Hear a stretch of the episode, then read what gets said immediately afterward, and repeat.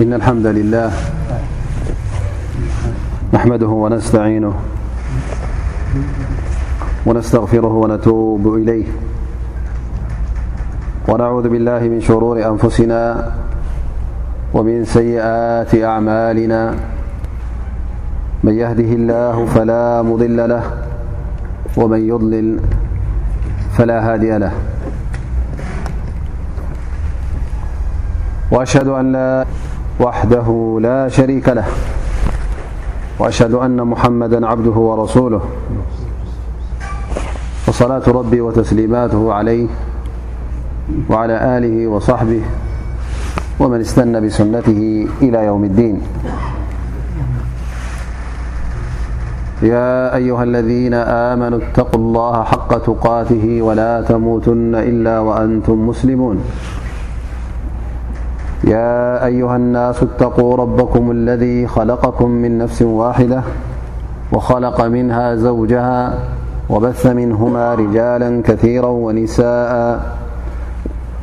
واتقوا الله الذي تساءلون به والأرحام إن الله كان عليكم رقيبا يا أيها الذين آمنوا اتقوا الله حق تقاته ولا تموتن إلا وأنتم مسلمون أما بعد صركم أوات اسلام عليكم ورحمة الله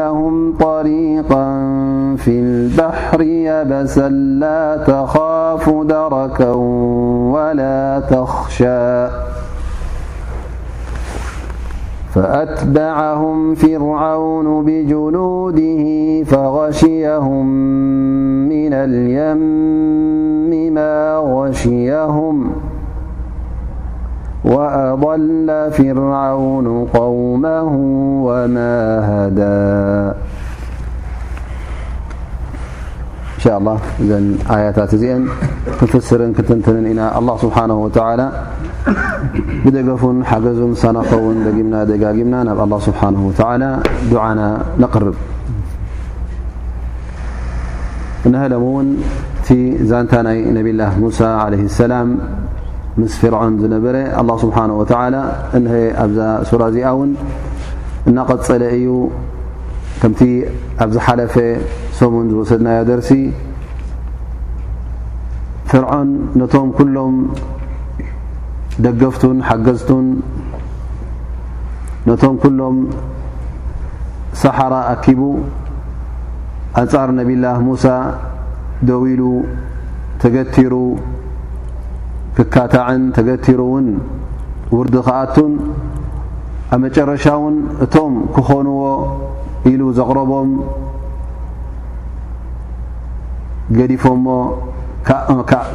ገዲፎሞ ክኣምኑ እንከለዉ ንሱ ግን ፈፂሙ በቲ እምነት ናቶም ኣይተገደሰን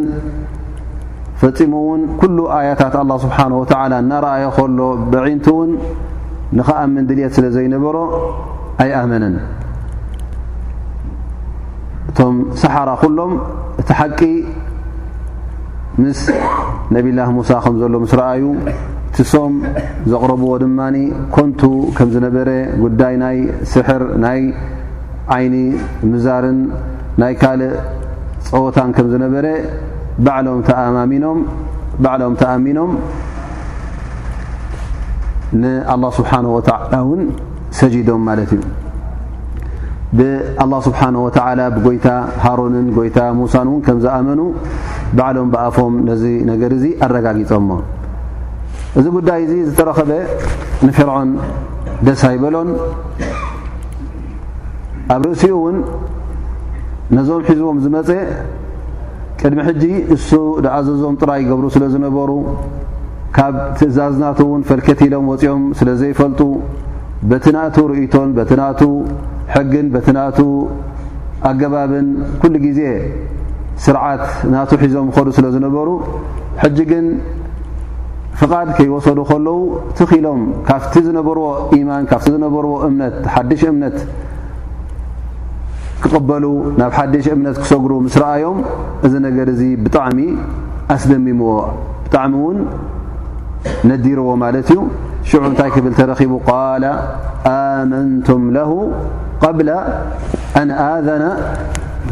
ለኩም ከመይ ጌርኩም ኣነ ከየፍቀድክልኩም ከለኹ ብሙሳ ተኣምኑ ብ እሱ እንታይ ማለት እዩ ሕጂ ሓታ ናቲ እምነት ናቶም እሱ ዩ ተሓላፊ እሱ ዩ ትወኪል ክኣምን እንተ ኮይኑ ክክሕድ እተ ኮይኑ ሓደ ሰብ ግዴታ ፍቓድ ካብ ምን ክወስድ ኣለዎ ካብ ፊርዖን ዩ ክወስድ ዘለዎ ማለት እዩ ስለዚ ጥራይ ንጉስ ናይ ኣካላቶም ወይ ከዓ ናይቲ ስውነቶም ጥራይ ኣይኮነን ናይ መሬትን ናይ ጭቃን ናይ ዓድን ኣይኮነን እንታይ ደኣ ናይቲ ሓንጎሎም ንጉስ እውን ንሱ ከም ምዃኑ እዩ ዝነገሮም ዘሎ ማለት እዩ ናይ ርእይቶ ይኹን ናይ እምነት ይኹን እውን እቲ ናይ ልብኹም ዘሎ እምነት እውን ብኣይ ክሓልፍ ኣለዎ ኣነ ዘፍቀድክልኩም ክኸውን ኣለዎ ብ እቲ ናይ ሕሉፍ ጥቕያን ክህሉ ከሎ ሕሉፍ ኣረሚነት ክህሉ ከሎ ነፍስኻን ኣካልካን ገዚኡ ዳሕራይ ኣብ ምንታይ ሓልፍ ማለት እዩ ነቲ እምነትካ ውን ክገዝኦ ደሊ ማለት እዩ ንሱ እንተ ኣፍቂዱልካ ክትኣምን እተ ኣዚዙካ ንክሕደት ክትክሕድ እዚ እዩ ዚ ነይሩ ማለት እዩ ጉዳይ ናይ ፍርዖን ስለዚ እዚ ኩሉ ሙዕጂዛ እዚ ኩሉ ተኣምር ብቢ ዓይነቱ እናረኣየ እንከሎ እቶም ምስኡ ዝነበሩ እቶም ሓገዝትን ደገፍትን ኢሉ እቶም ነቲ ናይ ሙሳ ዓለ ሰላም ተኣምር ከበርዕኑ ኢሎም ዝቐረቡ ሰባት ገዲፎሞ ክኣምኑ እንከለዉ እዚ ነገር እዚ ደስ ስለ ዘይበሎ ሕጂ እንታይ ክገብር ጀሚሩ ማለት እዩ ተህዲድ ክህብ ክጠንቅቕ ክዓፍር ጀሚሩ ማለት እዩ ቃል ኣመንቱም ለሁ ቐብሊ ኣን ኣዘና ለኩም ከመይ ጌርኩም ኣነ ከየፍቀድክልኩም እንከለኹ ከመይ ጌርኩም ብሙሳ በቲ ሒዝቦ ዝመፀ ተኣምኑ መን ኣፍቂድልኩም እዚ እኮ ናፍቲ ዘይፍቀደኩም ቦታ ናብኡ ሰጊርኩም ማለት እዩ ሕጊ ዘየፍቅደልኩም ስርዓት ዘየፍቅደልኩም ንሱ ትገብሩ ኣለኹም ማለት እዩ ስለዚ መጀመርያ ካባይ ትእዛዝ ክትቅበሉ እዩ ነርኩም መጀመርያ ካባይ ፍቓድ ክትሓቱ እዩ ነርኩም ኣነ ጎይታኹም ስለ ዝኾንኩ እዚ ነገር እዚ ተረኺቡ ኣሎሞ እንታይ ግበር እንታይ ክንገብር ሓይሽልካ ደኣ ክትሓቱ ነርኩም ደኣ እምበር ባዕልኹም ሲ እዚ ዓይነት ስጉምቲ ክትወስዱ ኣይፍቀደኩምን እዩ ከመይ ገርኩም ትወስዱ ይብሎም ኣብ መጨረሻ እውን ሕጂ እንታይ ክገብር ጀሚሩ ማለት እዩ ነታ ቅጫ ግምጥል ኣቢልዋ ማለት እዩ እዚ ኩሉ ባዕሉ ኣኪብዎም ባዕሉ ኣምፅዎም ኣጀኹም ኣነ ምሳኹም ኣለኹ ጥራይ ንኡ ሰዓርዎ ንሙሳ ሰዓርዎ ኢሉ እዚ ኩሉ ክእክቦም ሩ ካብ ፈቐዶ ከተማታት ካብ ፈቐዶ ዓድታት ዝኣከቦም እንታይ ክብሎም ጀሚሩ ሕጂ ኢነሁ ለከቢሩኩም ኣለذ ዓለመኩም ስሕር እስኹም እኮ ዝኣመንኩም እዚ ሙሳ እቲ ዓብናኩም ስሕር ዝዓለመኩም ስለ ዝኾነ ኢኹም ኣሚንኩም ዳኣ እምበር ብኻልእ ኣይኮነን ብማዕና እቲ ንዓኹም ዘእመነ ሕጂ እቲ ብቕዓት ናይ ሙሳን ብቕዓት ናይቲ ዘርእዮ ዘሎ ተኣምር ኣይኮነን እንታይ ደኣ ንስኹም ምስኡ ተሰማሚዕኩም ስለ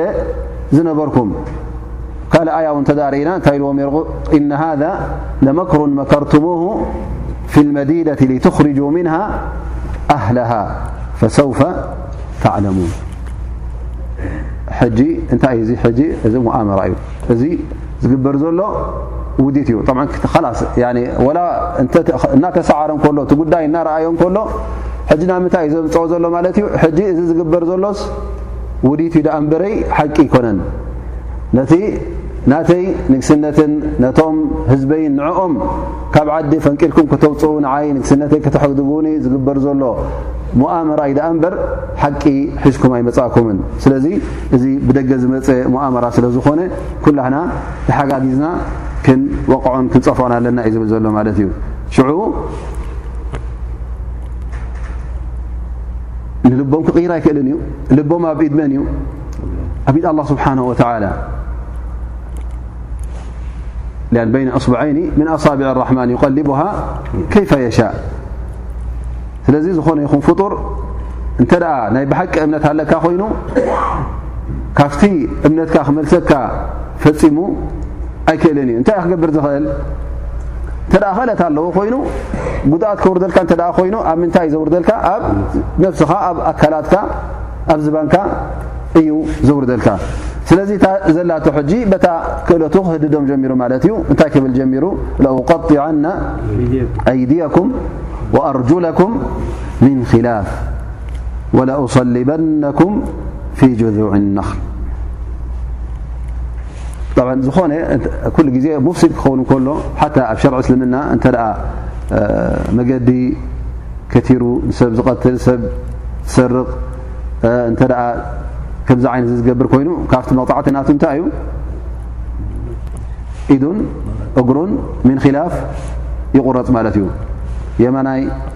ኢዱ ፀጋማይ እግሩን ይቁረፅ ማለት እዩ እዚ ሕጂ እቲ ነቶም ሙፍሲዲን ዝወሃብ መቕፃዕቲ እዩ ነይሩ ማለት እዩ ፈኢዘን እዚ ዝገበርኩሞ እዚ ካብ ሕጊ ወፃኢ ስለ ዝኾነ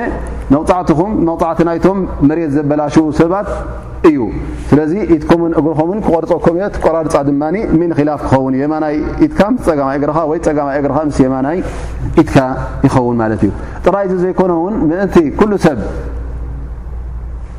ክርእየኩም እቲ ዝገበርኩምዎ ገበን እውን ዓቢ ከም ዝነበረ ንኸስተውዕል መለበሚ ንክኾኖ እውን ኣብ ዓንዲ ናይ ተምሪ ገረብ ተምሪ ብኣብኡ እውን ከንጠልጥለኩም እየ ይብሎም ማለት እዩ ወለኡሰሊበነኩም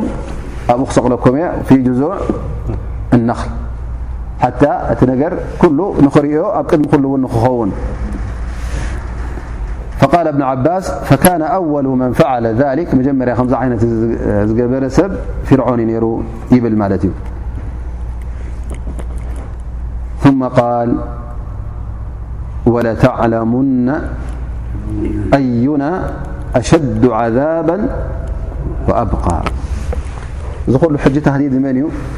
ነቶም ሳሓራ እቶም ዝኣመኑ ማለት እዩ እንቢ ስለ ዝበልዎ ብዘይ ፍቓዱ ብሙሳ ዓለ ሰላም ብረቢ ሙሳ ብረቢ ሃሮን ስለ ዝኣመኑ እንደገና እውን እንታይ ይብሎም ማለት እዩ ሕጂ እውን እስኹም ካብቲ ናተይ ስርዓት ካብቲ ናተይ መገዲ እንዲኹም ወጺኹም ዘለኹም እሞ እንተ ደኣ ሙሳ ክጠቕመኩም ኮይኑ እቶም ምስኡ ዝሰዓቡ ን ክጠቕምኹም ኮይኖምሲ መን ካባና እቲ ዝበርትዐ እቲ ዝሓየለ ከም ምዃኑ ክትርኢኹም ፈሰውፈ ተዕለሙና መን የኩኑ ለሁ ዓዛብ ወየብቃ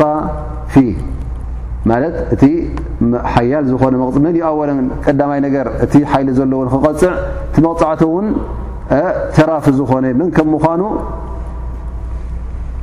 ክትርእዩ ኢኹም ኢሉ እንደገና እውን ይህድዶም ኣሎ ማለት እዩ ሊኣን ሕጂ እንታይ ዝገብር ዘሎ እዚ ሰብ እዚ መጀመርያ ነዞም ሰባት እዚኦም ሓገዝትን ደገፍትን ክኾኑ ኣቕሪብዎም ነይሩ ኣብ መጨረሻ እንታይ ኮይኖም ሕጂ ካብቲ መስርዕ ናቱ ኣብቲ መስርዕ ናይ ነብላህ ሙሳ ምስ ከዱ ናቱ ክእለት ከርኢ ዘልዩ ሕጂ ማለት እዩ ክእለት ከም ዘለዎ ሕሉፍ ክእለት ከም ዘለዎ ሙሳ እውን ክጠቕመኩም ኣይክእልን እዩ ዝብል እሞ እንተ ዝጠቕመኩም ኮይኑ ሕጂ ክንርኢ ኢና ኣነ ዶሕይል ወይስ ሙሳ ኣነ ዶሕይል ወይስ ጎይታ ሙሳ ረቢ ሙሳ እቲ ዝኣመንኩምሉ ንሱዶ ይሕይል ወይስ ኣነ ሕጂ መን እዩ ተሓያል ክርእኩም ኢሉ ቃል ክከብሎም ጀሚሩ ማለት እዩ ክህድዶም ጀሚሩ ከምዚ ኢሉ ምስ ተጠንቀቖም ከምዚ ኢሉ ምስ ተባህረሮም ምስ ተሰናበዶም እንታይ ኢሎም ሕራይ ዶ ኢሎሞ ፈሪሆም ዶ ተመሊሶም ወላ እውን ነብሶም ንክሕልው ኢሎም ድሓነይ ብኣፍና ሕራይ ዶ ንበሎ ዳሕራይ ንሕና ቀስ ኢልና ካብቲ ዓዲ ምስ ሃደምና ኢማና ነግልህ ዶ ኢሎም ኣይበሉን እንታይ ደኣ እዚ ኩሉ ምስ ሃደዶም ብዝያዳ እንታይ ኮይኖም ማለት እዩ ኣብቲ ኢማኖም እውን ቀጢሎም ተሪሮም ነብሶም እውን ወላ ሓንቲ ኮይና ኣይተረኣየቶምን ስለዚ እቲ ምርጫ ናቶም እንታይ ከም ምዃኑ ኣብኡ ከለዉ ኣግሂዶምሉ ማለት እዩ ቃሉ ለን ኑእሲረካ ዓላ ማ ጃእና ምን ኣልበይናት ለን ኑእሲረካ ማለት ካብቲ ዝመፀና መርትዖታትን ካብቲ ዝመፀና ዓብዪ ተኣምርን ዝረኣናዮ ብዓይና ካብኡ ንዓኻ ኣይንመርጽን ኢና ምርጫና እቲ ዝረኣናዮ ኣያታት ቅኑዕ ስለ ዝኾነ ንዕኡ ኢና መሪጽና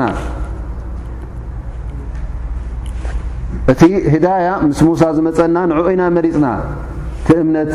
ንዕኡ ኢና መሪጽና ወለذ ፈጠረና ወለذ ፈጠረና ዑለማ ብክልተ ዓይነት ሙምክን ክትፍሰር ትኽእል እዮም ማለት እዩ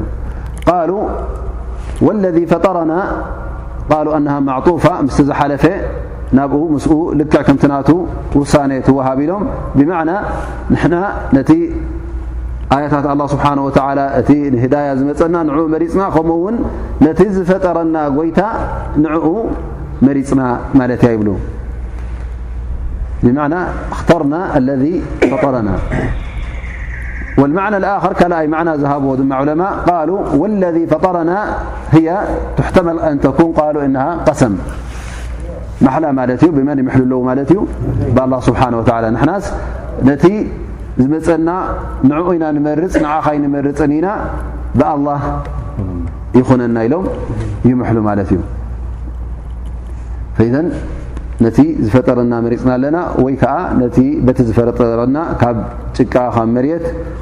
ነቲ ሓደ ጎይታና ነቲ ኣምልኾት ዝግብኦ ጎይታ ንዕኡ መሪፅና ኣለና ኢሎም ማለት እዩ ወይ ከዓ ብኡ ምሒልና ኣለና ሽዑ እስኻ ትህድደና ኣለኻ እስኻ ውን ተፈራርሃና ዘለኻ ንዓና ፍፁም ቅጭጫ ይብለናን እዩ ኣየገድሰናን እዩ ፈቕዲ ማ ኣንተ ቃድ ድላይካ ግበር ዝወሰንካዮ እውን ወስን ነቲ ክተጥፍኦ ከተህልቆን ሓሲብካ ዘለኻ እውን ኣህልቆ ኣጥፍኣዮ ሓይልኻ ፈፂሙ ካብቲ ናይ ኣዱንያ ነገር ካብኡ ኣይሓልፍን እዩ ክትጎደ እንተ ኮይንካ ኣብቲ ናይ ኣዱንያ ነገር ኢኻ ትጎድኣና ዳኣ እምበር ካብኡ ሓሊፍካ ካብኡ ሰጊርካ እትፍፅሞ ነገር የለን ፈቅዲ ማ ኣንተ ቃድ ኢነማ ተቅዲ ሃذ ሓያት ኣዱንያ እተ ክትስለጥ ኮይንካ ረቢ ክስልጠካ እተ ኮይኑ ናባናስ እዛ ናይ ኣዱንያ ነገር እታ ህይወትና ኣብዛ ኣዱንያ ዘላ እዛ ኣካላትና ኣብቲ ንብረትና እተ ክትጎድኣና ኮይንካስ ናይ ኣዱንያ ነገር ኢኻ ትጎድኣና ዳኣ እምበር እስኻ ፈፂምካ ካልእ ነገር ክትጎድኣና ኣይትኽእልን ዩ ከዛ ኣዱንያ እውን ንሕና ሕጂ ትርፊ ከምዘይብላ ፋይዳ ከምዘይብላ እቲ ተራፊ ድማ ናይ መዓልቲ ቅያማ ከም ምዃኑ ስለ ዝፈለጥና ስለ ተረጋገፅና ስለ ዝኣመና ፈፂምና ንዓ መሪፅና ስለ ዝኾንና ካባኻ ፈፂምና እውን ኣይንፈርህን ኢና ሃذ ዳር ዘዋል ዘይትነብረላ ዓዲ መሬት ኣዱንያ እዚኣ ንዓ ኣኸላስ ፈፂምና ገዲፍና ኣለና እስኻ እውን ተ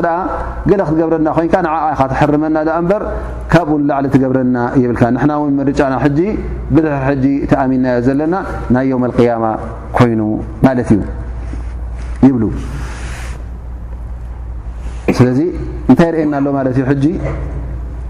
እታ መውዒዛ ዝሃቦም ነብላ ሙሳ ዓለ ሰላም ክሳዕ ክንደይ ኣብ ልቦም ከም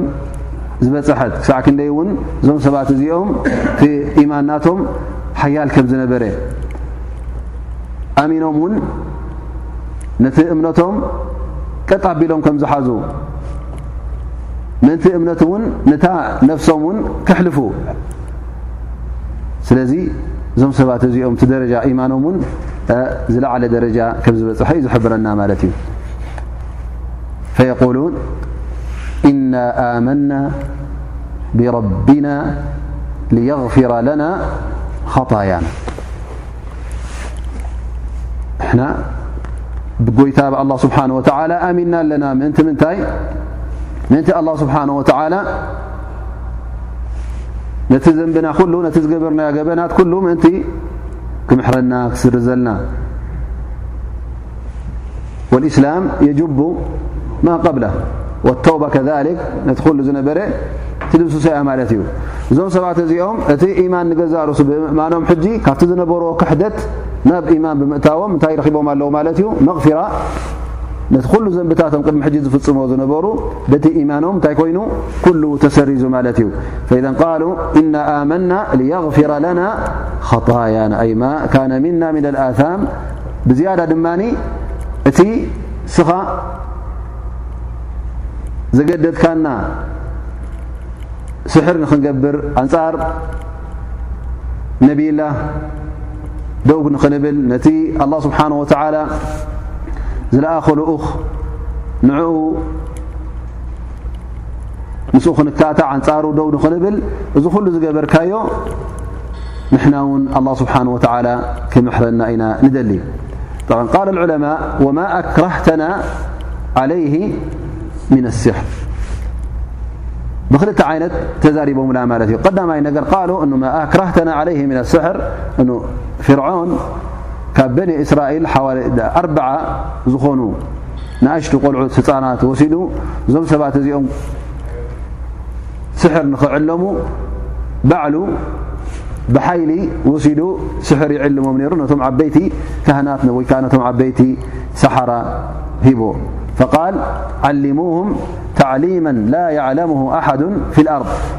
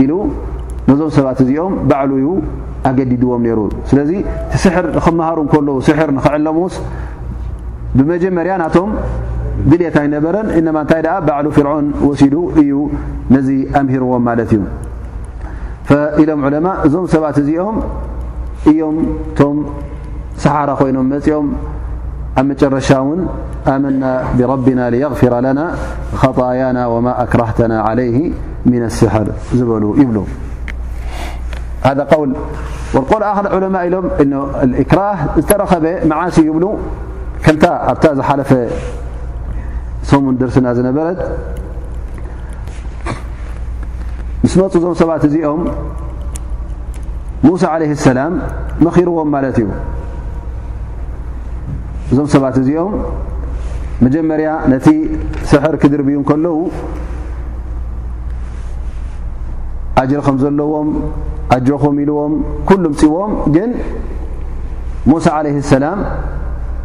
እቲ ዝገብርዎ ዘለዉ ጌጋ ከም ምዃኑ ኣብ ሓቂ ከም ዘየለዉ ኣያታት ኣላ ስብሓን ወተላ ተኣምር ናይ ኣላ ስብሓን ወተላ ከም ምዃኑ እዙ ብኣላ ስብሓን ወተላ ተላይኹ ከም ምዃኑ እዚ ኹሉ ኣጠንቂቕዎም ምስ ኣጠንቅቕዎም እንታይ ተረኺቡ ሽዑ ከምቲ ዝበልናዮ ፈተናዘዑ በይኖም ኣምሮም እቲ ጉዳይ ናቶም ሕጂ ክሰሓሓቡ ጀሚሮም ኢልና ኩሎም ሓደ መርገፅ ኣይሓዙን እነማ እንታይ ክብሉ ኦም ጀሚሮም ሽዑ ገሊኦም እዚ ናይ ስሕር ኣይኮነን እዚ ናይ ብሓቂ ነቢኡ እዚ ኸ ከምዚ ኢሎም ንንሕዶም ሕጂ ምስሕሓብ ተረኺቡ ማለት እዩ እዚ ምስሕሓብ እዚ ምስ ተረኸበ ኣብ መጨረሻ ግን እንታይ ተባሃሂሎም ልክዕ ን ሃذ ለሳሒራ ዩሪዳ ን ይኽርጃኩም ምን ኣርضኩም እዞም ሰባት እዚኦም እዞም ክልተ ሰባት መፅኦም ዘለዉ ልክዕ ናይ መን ወሲዶም ማለት እዩ ናይ ፍርዖን ርእቶ ወሲዶም ማለት እዩ እዘን እቲ ርእቶ እውን እንታይ እዩ ዘርእየና ሕጂ ናቶም ርእቶ ከም ዘይነበረ ቅድሚኡ እውን ባዕሉ ፊርዖን እንታይ ኢሉ እቶም እዚኦም ንሙሳን ሃሮንን ምስ መፅዎ ሰሓራ ከም ምኑ ተዛሪቡ ከም ምዃኖም ተዛሪቡ እቲ ናቶም ድልት እውን ነቲ ህዝቢ ካብ ዓዲ ንኸውፅኡ ከም ምዃኖም ባዕሎም ነቲ ዓዲ ክሕዙ ከም ዝደልዩ ዘለዉ እዚ ነገራት እዚ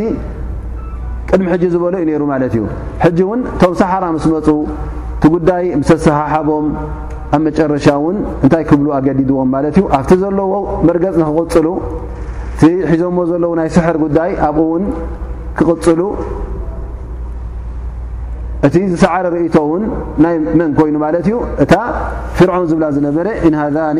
ለሳሒራኒ ትብል ልክዕ ንሙሳን ንሃሮን ለ ሰላም ከም ሳሓራ ገይሩ ገሊፅዎም ማለት እዩ ንሶም ውን ነዚ ርእቶ እዚ ሒዞም ከይዶም ማለት እዩ ፈደን ሕጂ እዚ ምስ ተረኸበ ባዕሎም ተገዲዶም ከም ዝገበርዎ ደኣ እምበር ናቶም ድልት ከም ዘይነበረ እነሀ ሕጂ ይምልስሉ ኣለዉ ማለት እዩ እቲ ጉዳይ ኩሉ ምስ በርሀ እሶም ን ምስ ኣመኑ ንሕናስ እዚ እውን ድልትና ኣይነበረን ሕና ውን ኣብዚ ጉዳይ እዚ ክነኣቶ ይሓሰብና ነርና ግን እሱ ዩ ኣገዲዱና እዮም ዝብሉ ዘለዎ ማ ኣክራህተና ዓለይሂ ምና ስሕር እሱኻ ገዲድካና ኢሎም ይምልስሉ ኣለዉ ማለት እዩ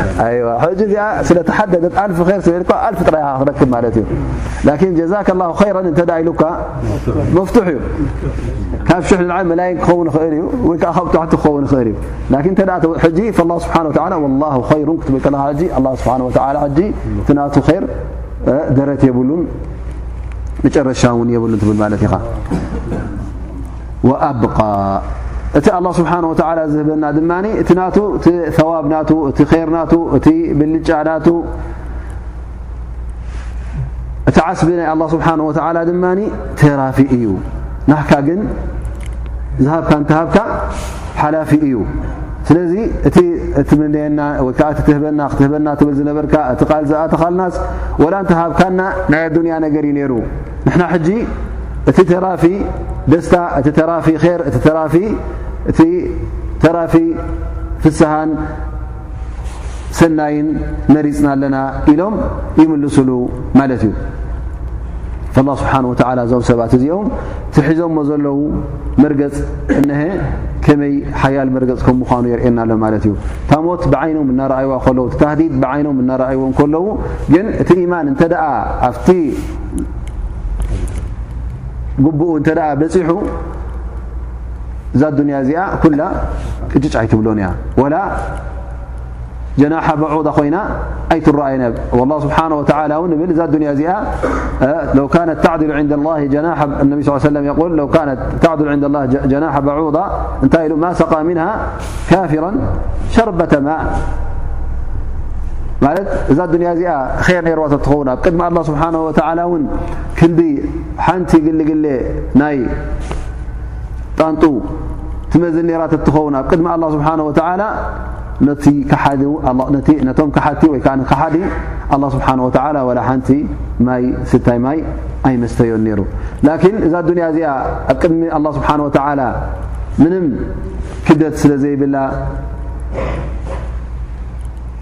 ኣላ ስብሓን ወተላ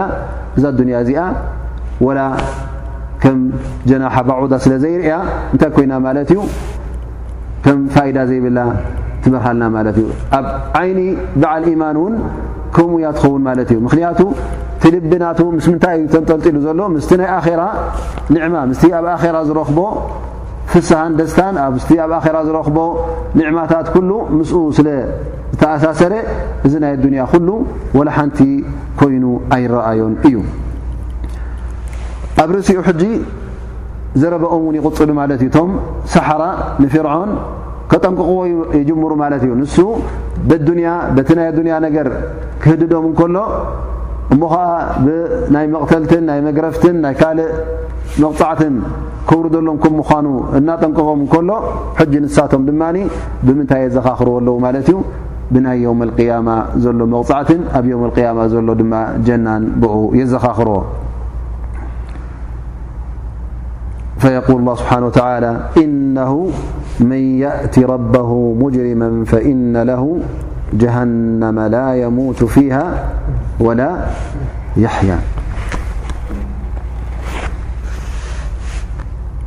ኣብ ዮም ቅያማ ገበነኛ ኮይኑ ዝቐርብ ኣላ ስብሓን ወተዓላ ነዚ ሰብ እዚ ኣብ ምንታይ እዩ ክድርብዮ ኣፍታ እሳተ ጀሃንም እዩ ክድርበ ፈእነ ለ ጀሃንም እሳተ ጀሃንም ትፅበዮላ ማለት እዩ እንተ መገዲ ኣላ ስብሓን ወተዓላ ስሒቱ እሞ ከዓ ኣብ ቅድሚ ኣላ ስብሓን ወተዓላ ወንጀለኛ እንተ ኮይኑ ተረኺቡ ኣላ ስብሓን ወተዓላ ነዚ ሰብ እዙ ክቐፅዖ ብምንታይ ዝቐፅዖ ሽዑ በዚ ናይ ኣዱንያ መቕፃዕቲ ብናይ መቕተልቲ ወይ ከዓ በቲ ትብሎ ዘለኻ ምን ኪላፍ ምቑራፅ ኣይኮነን እነማ ኣላ ስብሓን ወተዓላ እታ መቕፃዕቲ ናቱ እታ ጀሃንም እያ እዛ ጀሃንም እዚኣ ድማ ቀላል ነገር ኣይምሰልካ እንታይ ኣያሳ ላ የሙቱ ፊሃ ወላ ያሕያ ኣብኣ ዝኣተወ ሰብ هيت كم نبر هيت يبلو مت ك أي ربان ي لا يقضى عليهم فيموت ولا يخفف عنهم من عذابها كذلك نجزي كل كفور الله سبانه وتعالى جهنم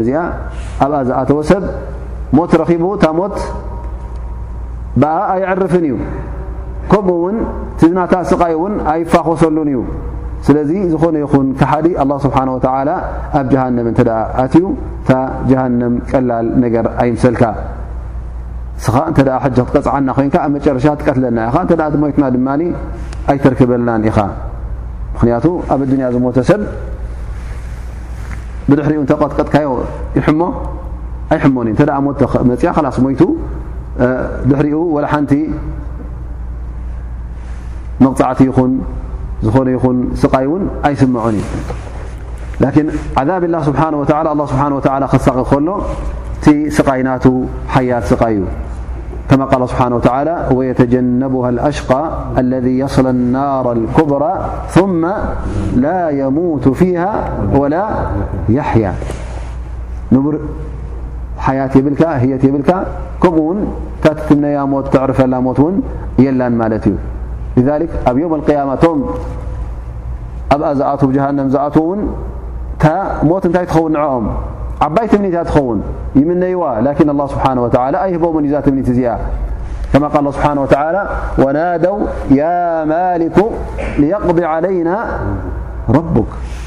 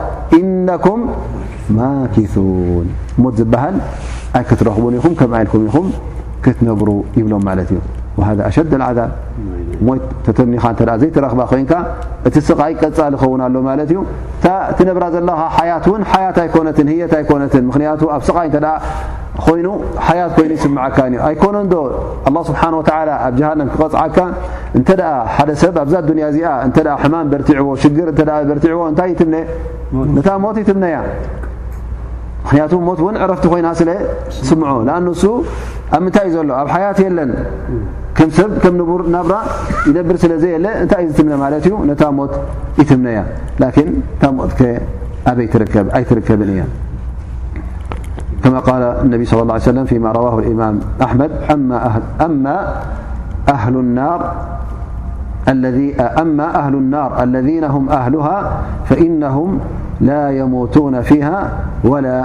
يحيون ولكن أناس تصيبهم النار بذنوبهم فتميتهم إماتة حتى إذا صاروا فحما أذن في الشفاعة فجيء بهم ضبائر ضبائر فبثوا على أنهار الجنة فيقال يا أهل الجنة أفيضوا عليهم فينبتون نبات الحبة تكون في ሓሚል ሰይል ኢዘ እዞም ንጀሃንም ተባሃሉ ሰባት ኩሎም ኣይሞቱን እዮም ኢላ እቶም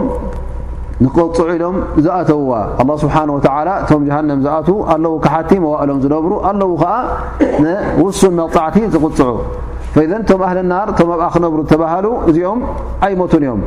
ግን እቶም ንመቕፃዕቲ ንውሱን መቕፃዕቲ ክቕፅዑ ዝተባሃሉ እዞም ሰባት እዚኦም ምስኣተውዋ ኣብኣ ነዱ ማለት እዩ ፈሓም ምስ ኮኑ ምስ ሞቱ እውን ይወፁ ከም ብሓድሽ ከዓ ኣላ ስብሓን ወተላ ኣብቲ ወሓዚ ናይ ጀና ወሰናስ ናይ ጀና ኣብኡ ኣብቲ ሩባታት ናይ ጀና ኣብኡ ምስ ኣውረዶም ቀስ ብቀስ ከምቲ ሓድሽ እኽሊ ክበቁል እንከሎ ለምለም ኮይኑ ዝበቁል ከምኡ ከም ብሓድሽ ህወት እናለበሱ ይበቕሉ ማለት እዩ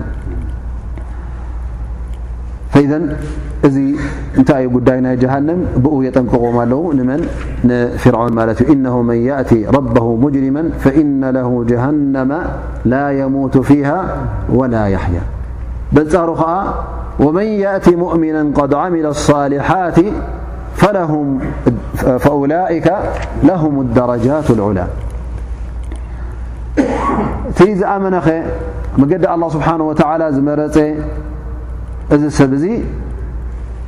ኣብ ቅድሚ ኣላ ስብሓን ወተዓላ ብኢማኑ ስለ ዝመፀ ሰናይ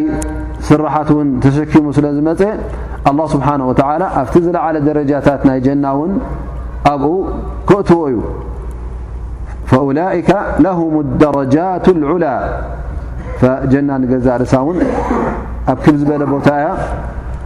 እቲ ናታ ክፍልታት እቲ ናታ መንበሪ እውን ኩሉ لعل لعل نبت والله سبحانه وتعالى ب عينت درجاتات كم تبراتهم نهبلت روى الإمام أحمد عن عبادة بن الصامت عن النبي صلى الله عليه وسلم قال الجنة مئة درجة ما بين كل درجتين كما بين السماء والأرض والفردوس أعلاها درجة ومنها تخرج الأنهار الأربعة والعرش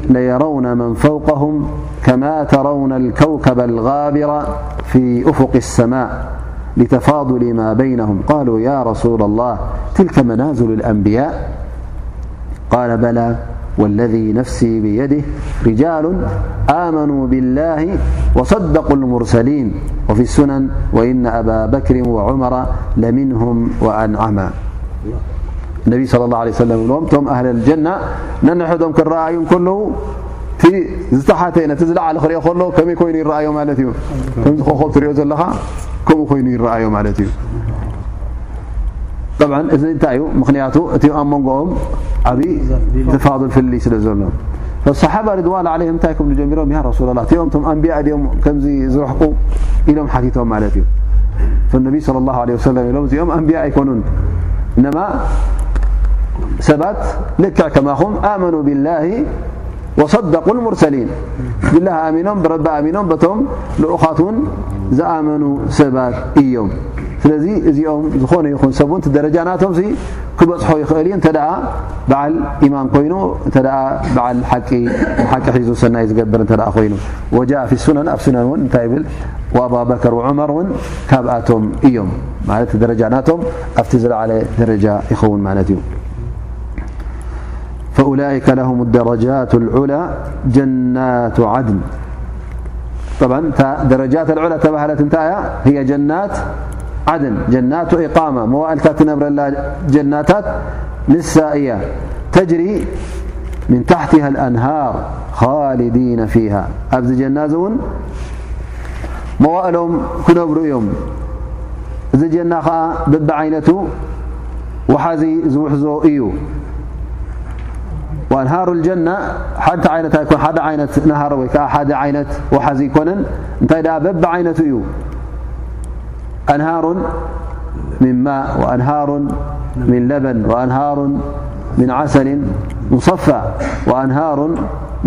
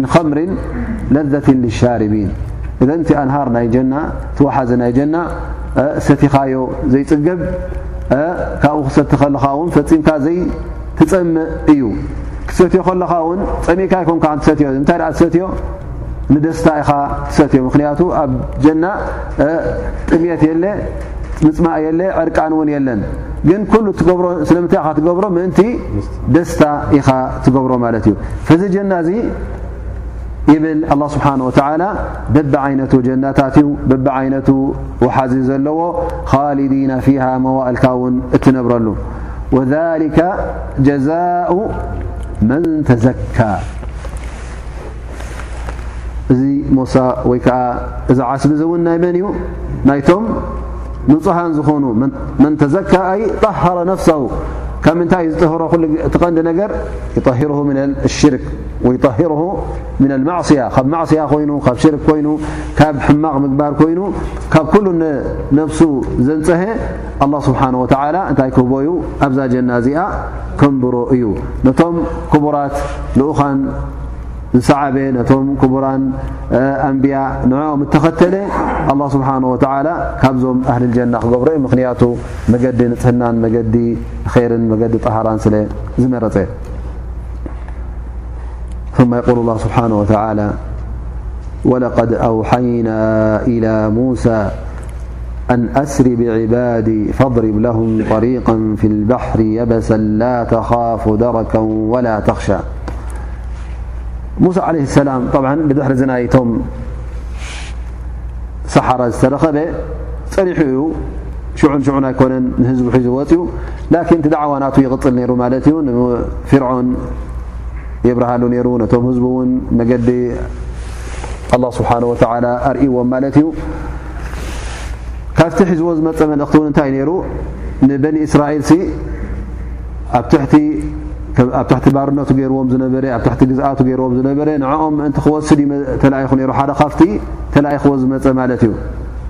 ኣርሲል መዕያ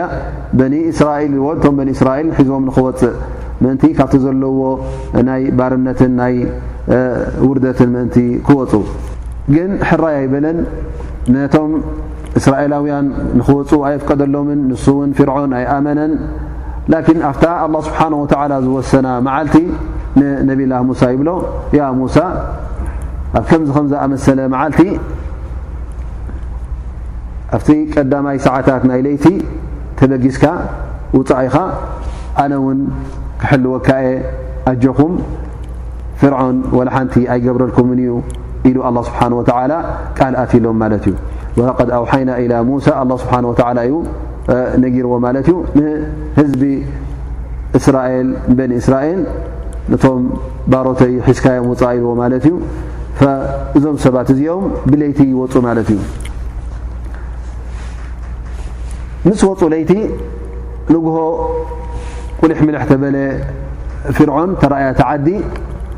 በኒ እስራኤል ኩሎም ገዲፎምሉ ኮይዶም ማለት እዩ ተፀውዐ ዝምልስ የለ እንተናደየ እውን ወላ ሓደ ካብኣቶም ኣይረኸበን ማለት እዩ ኩሎም ቶም በኒ እስራኤል ብሓደ ወፅኦም ማለት እዮም ብድሕሪ ልዕሻ ቲ መጀመርያ ለይቲ ወፅኦም ኩሉ ምስ ወፀ ንግሆ ምስ ተሰእ እውን ወላ ሓንቲ ኣይረኸበን ማለት እዩ ሽዑ ፍርዖን ብጣዕሚ ነዲሩ ተቆጢዑ ማለት እዩ ከመይ ገይሮም ብዘይ ፍቓደ ይወፅኦም ኢሉ ቶም ባሮቱን ቶም ኣገልገልቱን ዝነበሩ ከም ድላዩ ዝእዝዞምን ከም ድላዩ ዝረግፆምን ዝነበረ ኩሎም ካብ ኢዱ ናፃ ስለ ዝወፁ ሕጂ እሱ እውን እዚ ነገር እዚ ደስ ስለ ዘይበሎ እንታይ ገይሩ ማለት እዩ ወኣርሰለ ፊ ልመዳእን ሓሽሪን ኩሎም እቶም ሰራዊት ናቱ ኣኪብዎም ማለት እዩ ንምንታይ ንበኒ እስራኤል ምእንቲ ክመልሶም ተኽኢሉ ክመልሶም ተዘይክኢሉ እውን ንኩሎም ብሕርቃን ከጥፍኦም ማለት እዩ ፈዘን ካብ ፍር ኩሉ ዓድታት ክእከቡ ላ ስብሓን ወተላ ላዓለሁ እዚ ሕጂ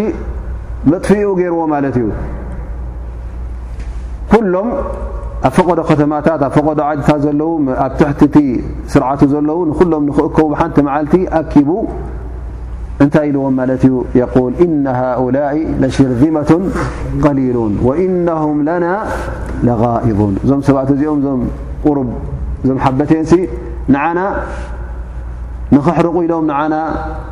ንኸቖጥዑ ኢሎም ዝገበርዎ ሕጂ ስርሖም ከነርእዮም ኢና ንዑ ኩላህና ንተኣከብ ንስዓቦም ኢሉ ማለት እዩ ፈኣትበዑሁም ሙሽርቂን ኩሉ ሰራዊቱ ኣኪቡ ንግሆ ሕጂ ኣብቲ ፀሓይ ምብራቕ ናበይ ይኸይድ ማለት እዩ ንደድሕሪኦም ይስዕቦም ማለት እዩ ጠብዓ በኒ እስራኤል ክወፁ ከለዉ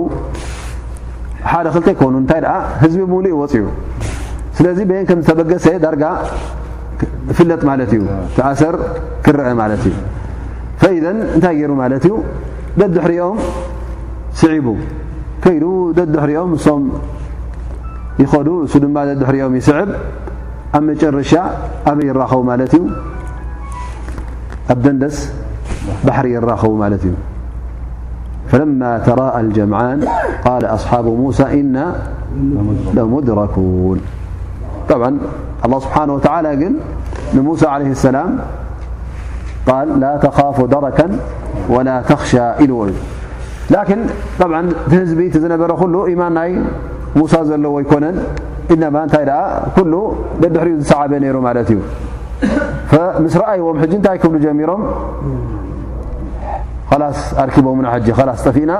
እንታይ ክንገብር ኢና ኢሎም ኩሎም ናብ መን ተወጀሆም ናብ መን መፅኦም ማለት እዩ ናብ ሙሳ ላኪን ናብ ሙሳ እንታይ ኢሉ መሊስሉ እንታይ ኢሉ መሊስሎም ቃል ከላ እነ ማዕያ ረቢ ሰያህዲን ኣነ ጎይታይ ምሳይ ኣሎ ኣጀኹም ኣላ ስብሓን ወተዓላ መንገዲ ክኸፍተለ እዩ ብድሕሪት ሰራዊት ናይ ፍርዖን ብሸሓት 120 ዝቁፀሩ ብቕድሚ ድማ ባሕሪ እዩ ዘሎ ሕጂ ኣበኦም ክኸዱ ንባሕሪ ተኸይዶም ክጠልቁ እዮም ሃላክ ማለት እዩ እንተ ደኣ ንድሕሪ ተመሊሶም ድማ ሃላክ ኣሎ ማለት እዩ ሃላክ ናይ ፍርዖን ኣሎ ማለት እዩ ላኪን ሙሳ ዓለ ሰላም ካነ እቲ ኢማን ናቱ ካብ ኣላ ስብሓን ወተላ ዝተዋህቦ ቃል ስለ ዝኾነ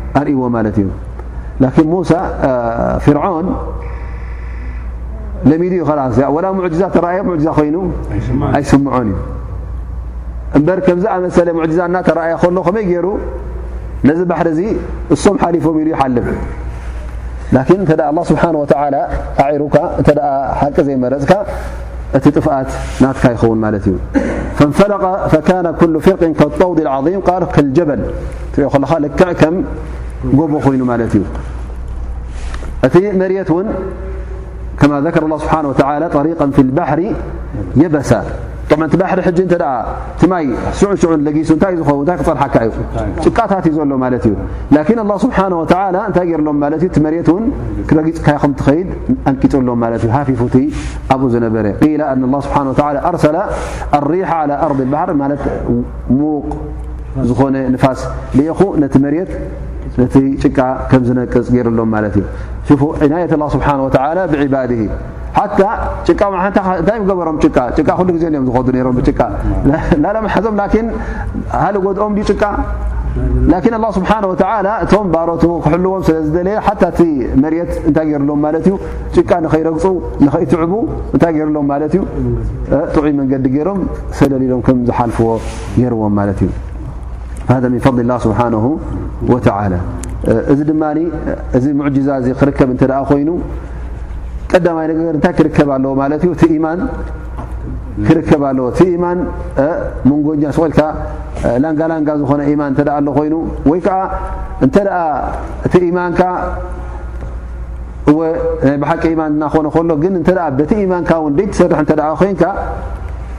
ኣላ ስብሓን ወተላ ሙዕጅዛታት ኣይህበካን እዩ ንኣኑ ግደት ኣለካ ላኪን ሓደ ሰብ እንተ ናይ ብሓቂ ኢማን ኣለዎ ኮይኑ በዚ ኢማኑ እዚ እውን ዝሰርሕ ዝከኣሎ ይገብር እንተ ኮይኑ እሞ ከዓ ብዝከኣሎ ሓይሊ እንተ ሰሪሑ ኣብ መጨረሻ እንተ እቲ ኣንጻርካ ዘሎ ፀላኢ ካብቲ ክእለትካ ንላዕሊ እንተ ኮይኑ ሽዑ ኣላ ስብሓን ወተላ ብሙዕጅዛ ገይሩ ካብቲ ኢብትላእ እቲ የውፅኣካ ማለት እዩ ኣማ እንተ ደኣ እስኻ እቲ ኢማንካ ወላ ሙሉእ ኢማን እተ ኮይኑ ላኪን እቲ ኣስባብ ትወስዶ ዘለኻ ውን እንተ ጎደሎ ኮይኑ እዘ እስኻ ሙሉእ ስራሕ ትስርሕ ኣለኻን ማለት እዩ እቲ ኣላ ስብሓን ወላ ዝኣዘዘካ ኩሉ እውን ስለ ዘይፈፀምካ እቲ ሙዕጅዛቲ ኣይመፀካን እዩ ወይ እውን ጉድለት ኣብ ኢማን እንተ ኣለካ ኮይኑ ግን እቲ ትሰርሖ ዘለኻ ስራሕ ውን ትጥቀሞ ዘለኻ ስልትታት እትጥቀሞ ዘለኻ መሳርያታት ውን ሓያል ይኹን ዳኣ እንበር እንተ ጉድለት ኣብ ኢማን ኣለካ ድማ ኣላ ስብሓን ወተላ ሕጂ እንታይ ክገብረካ እዩ ምስቲ ፀላኢኻ በቲ ዘለካ ሓይሊ ክትቃለስ ክገድፈካ እዩ ማለት እዩ ምክንያቱ እቲ ኢማንካ እውን ጉድለት ስለ ዘለዎ ላኪን እንተ ክልትኡ ሙሉእ ዘይጉዱል ኮይኑ ኣላ ስብሓን ወተላ እንታይ ክገብረካ ማለት እዩ ብሙዕጅዛ ይኹን ብተኣምር ኮይኑ ካብቲ እብትላ ይውፃካ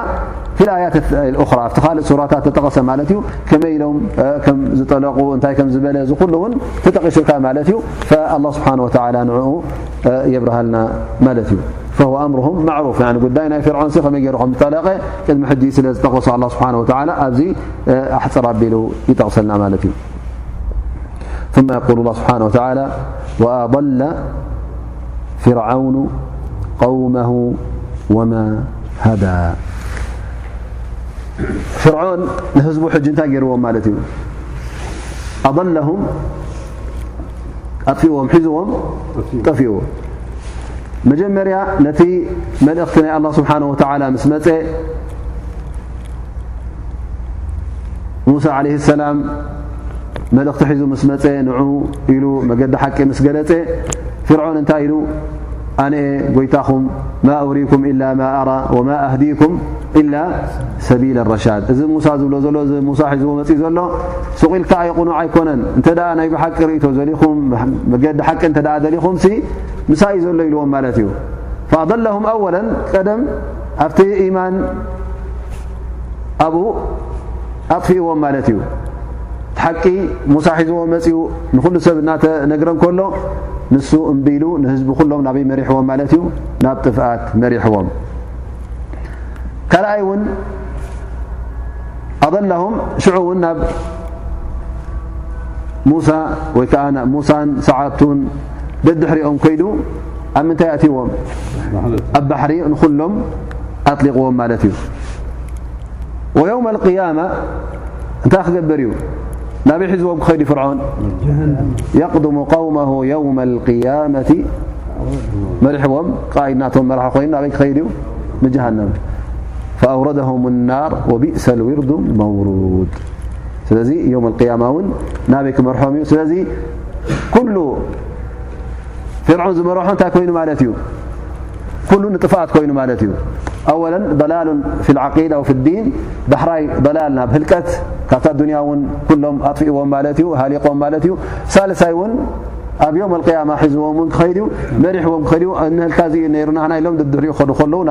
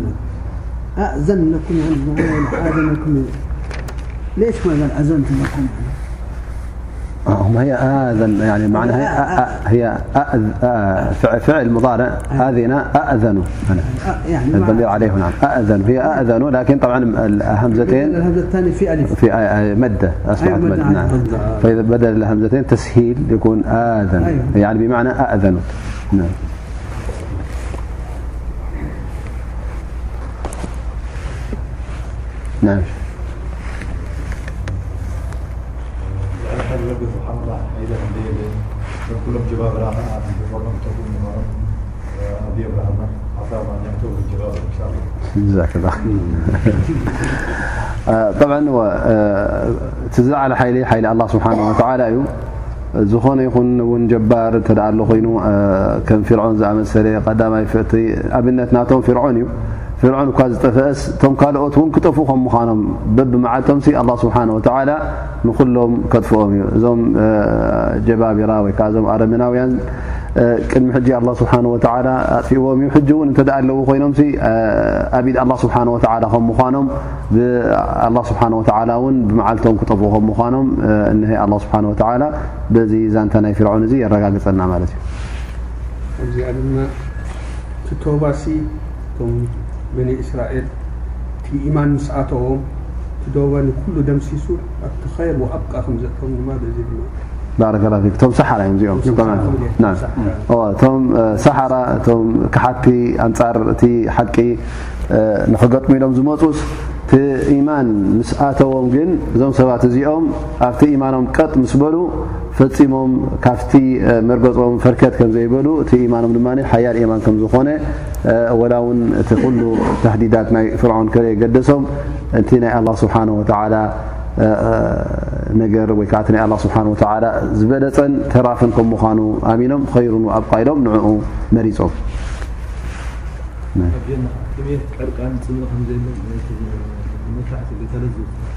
ዛከላ ኸይር እወ እቲ ኣብ ጀና ዘሎ ንዕማን ሽሻይን ሲ ብሰንኪ ናይ ዕርቃን ናይ ጥምት ናይ ፅምኣት ኣይኮንካን እትረኽቦ እትጥቀመሉ እንታይ ደኣ እዚ ነገራት እዚ ኩሉ ንደስታን ንሙትዓን ንፍስሃን ከም ምኳኑ ሎመዓልቲ እውን በሪሁልና ይብል ማለት እዩ ናይ ን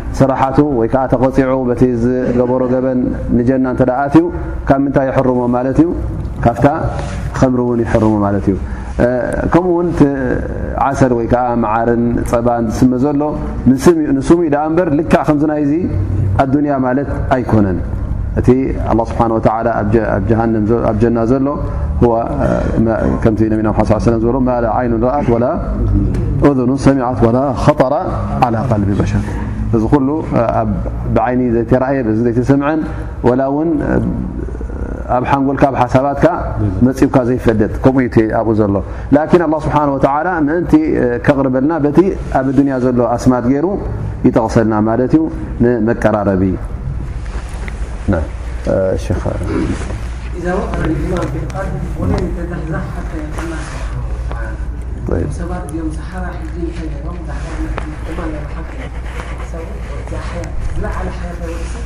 ህይወት እያ ከዓጅበኩም እንተ ሊቃዊ መስል ዓወት ተዓላ ባረከ ላ ፊክ እዎ እንተ ሓደ ሰብ ሰይቲ ኢማን ብሓቂ ብሓቂ ኣብ ልቡ እንተ ኣትዎስ ኩሉ ነገራት ኣይ ዓጅቦን እዩ ወላ ውን እታ ዝፈትዋን ዘፍቅራን ነፍሱ ንዓኣ ውን ምእንቲ እዛ እምነቱ እዚኣ እንታይ ገብራ ማለት እዩ ውፍያ የወፍያ እዩ ስለዚ እቲ ኢማን እንተ ኣብዝዓ ዝለዓለ ደረጃ በጺሑስ ነቲ ኢማኑ ብዝከኣሎ መጠን ዝኾነ ይኹን እቲ በዓል ኢማንሲ ከወፍ እዩ ብማሉ ይኹን ብክእለቱ ይኹን ብዝለዓለ ድማ ወላ እውን እታ ሩሑ እታ መንፈሱ እታ ኣካላቱን እውን ንዓኣ ከወፍያ ከም ዝኽእል በዚ ኣብዚ ናይ ዶም ሰሓራ ዝነበረ በሪሁልና ማለት እዩ ዘይ ጣዓሙ ና ፈ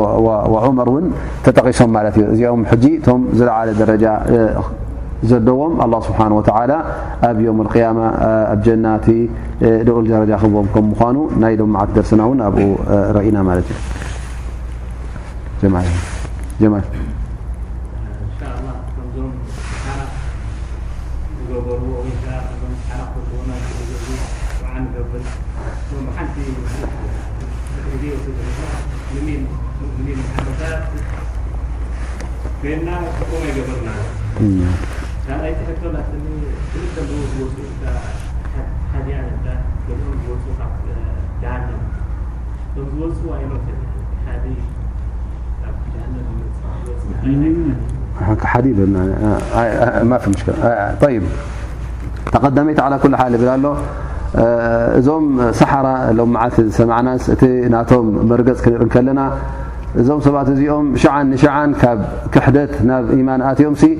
እቲ ዝበፅሕዎ ናይ እምነት ደረጃ ክሳዕ ነብሶም ወይ ከዓ ብሩሖም ኣወፍዮም ማለት እዩ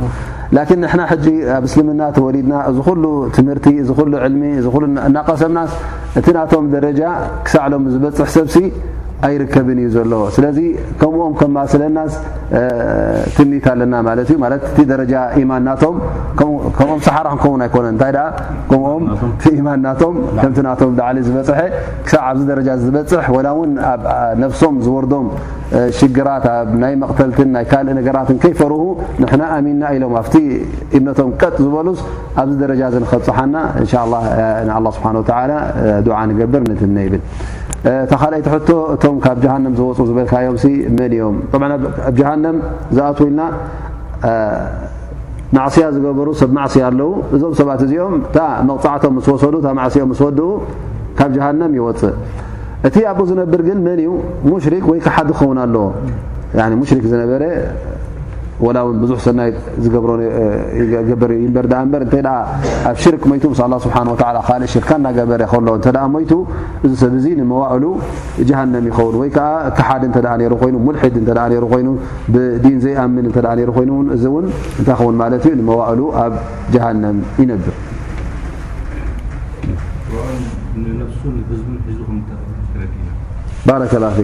ፍርዖን ነብሱ ጥራይ ከም ዘየጥፈአ እንታይ ደኣ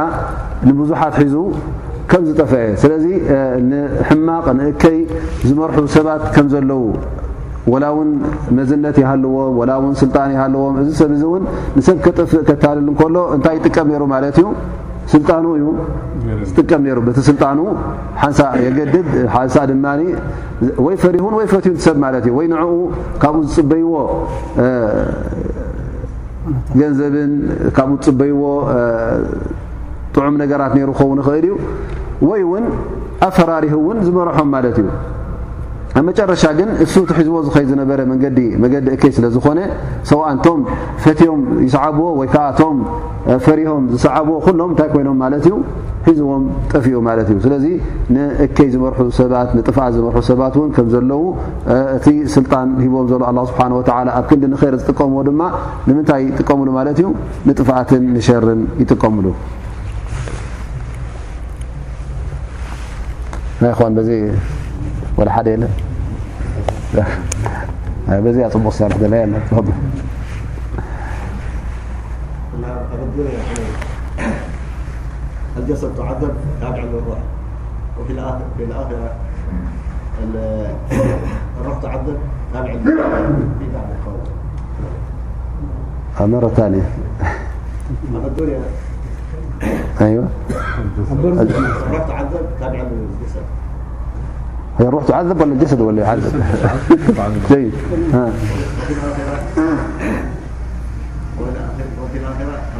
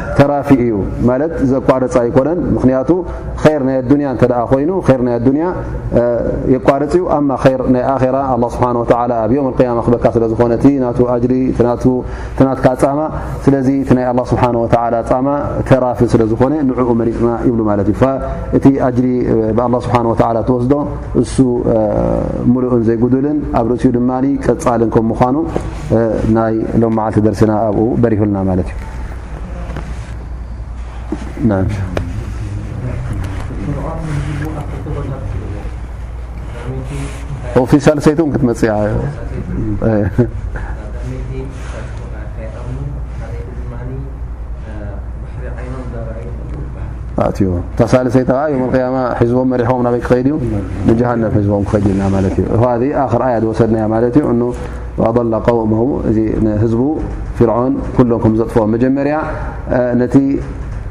ኢማን ነቲ መልእኽቲ ናይ ሙሳ ክነፅጉ ኣብኡ መሪሕዎም ኣነ እየ ዝመርሓኩም ኣነ ሒዘዮ ዘለኹ ኢሉ ኣብ ጥፊእዎም ካልኣይ ድማ ሒዝዎም ናበይ ከይዱ መሪሕዎም ንባሕሪ ማይ እናርኣየ ከሎ ኣብኡ ኣጥሊቕዎም ማለት እዩ ሳለሳይ ድማ ዮም ቅያማ ናበይ ሒዝዎም ክኸይድ እዩ ንእሳ ጀና ምህርዎም መሪሕዎም ክኸይድ እሶም ከዓ ሱቕ ኢሎም ነድሕሪኦ ክኸዱኦም